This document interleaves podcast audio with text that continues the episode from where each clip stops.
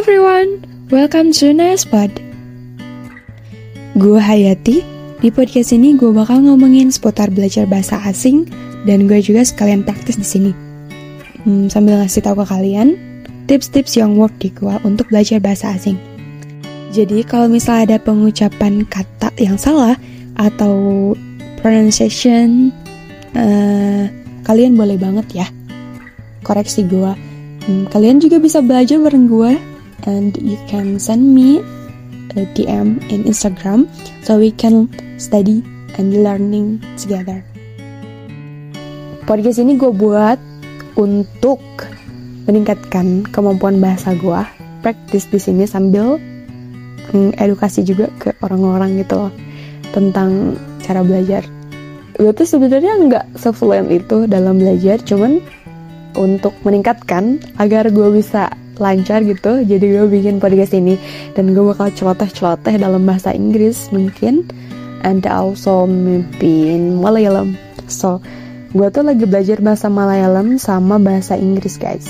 Kalau kalian belum tahu apa itu bahasa Malayalam so basically Malayalam language is spoken mainly in India where it is the official language of the state of Kerala. Jadi Malayalam itu bahasa India bagian selatan, tepatnya di Kerala. Kalau di Indonesia itu kayak local language guys. Di Indonesia ada bahasa Sunda, bahasa Jawa, bahasa Medan dan lain-lain. Nah, di India juga sama. Mereka punya banyak banget local language yang officially gitu. Dan Malayalam itu salah satunya. Gue sekarang lagi belajar Malayalam. Kenapa sih belajar bahasa itu? Kenapa belajar bahasa India? First, itu tuh bahasa tuh sulit banget ya menurut gue.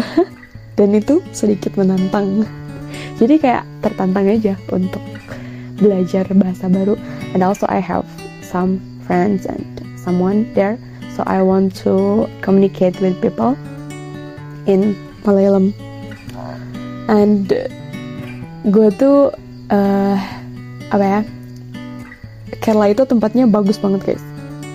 Tempatnya tuh sangat amat asri dan adem gitu. Gue udah lihat beberapa cuplikan video beberapa ya video-video dari Kerala and it's so calm it's so cozy you know. So gue tuh berharap one day gue bisa ke sana. Terus uh, impian gue tuh guys jadi a farmer and gue ngerasa tuh Kerala itu tempat yang cocok buat jadi farmer gitu. Soalnya hijau banget and oh so cozy I like it Nah, kalau kalian mau belajar juga bahasa Malayalam, ya, yeah, I will help you guys. No, I mean we can ya yeah, ngasih tahu satu sama lain kita bisa belajar bareng dan itu bakal sangat ningkatin cara belajar kita. Punya partner itu sebenarnya kayak apa ya?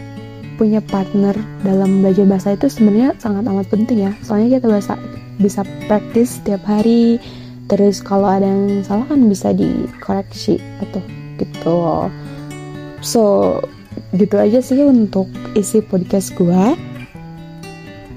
kalau kalian gabut terus mau dengerin celotehan gue stay tune and don't forget to follow for new episode. Nyana ya, pindah kanan.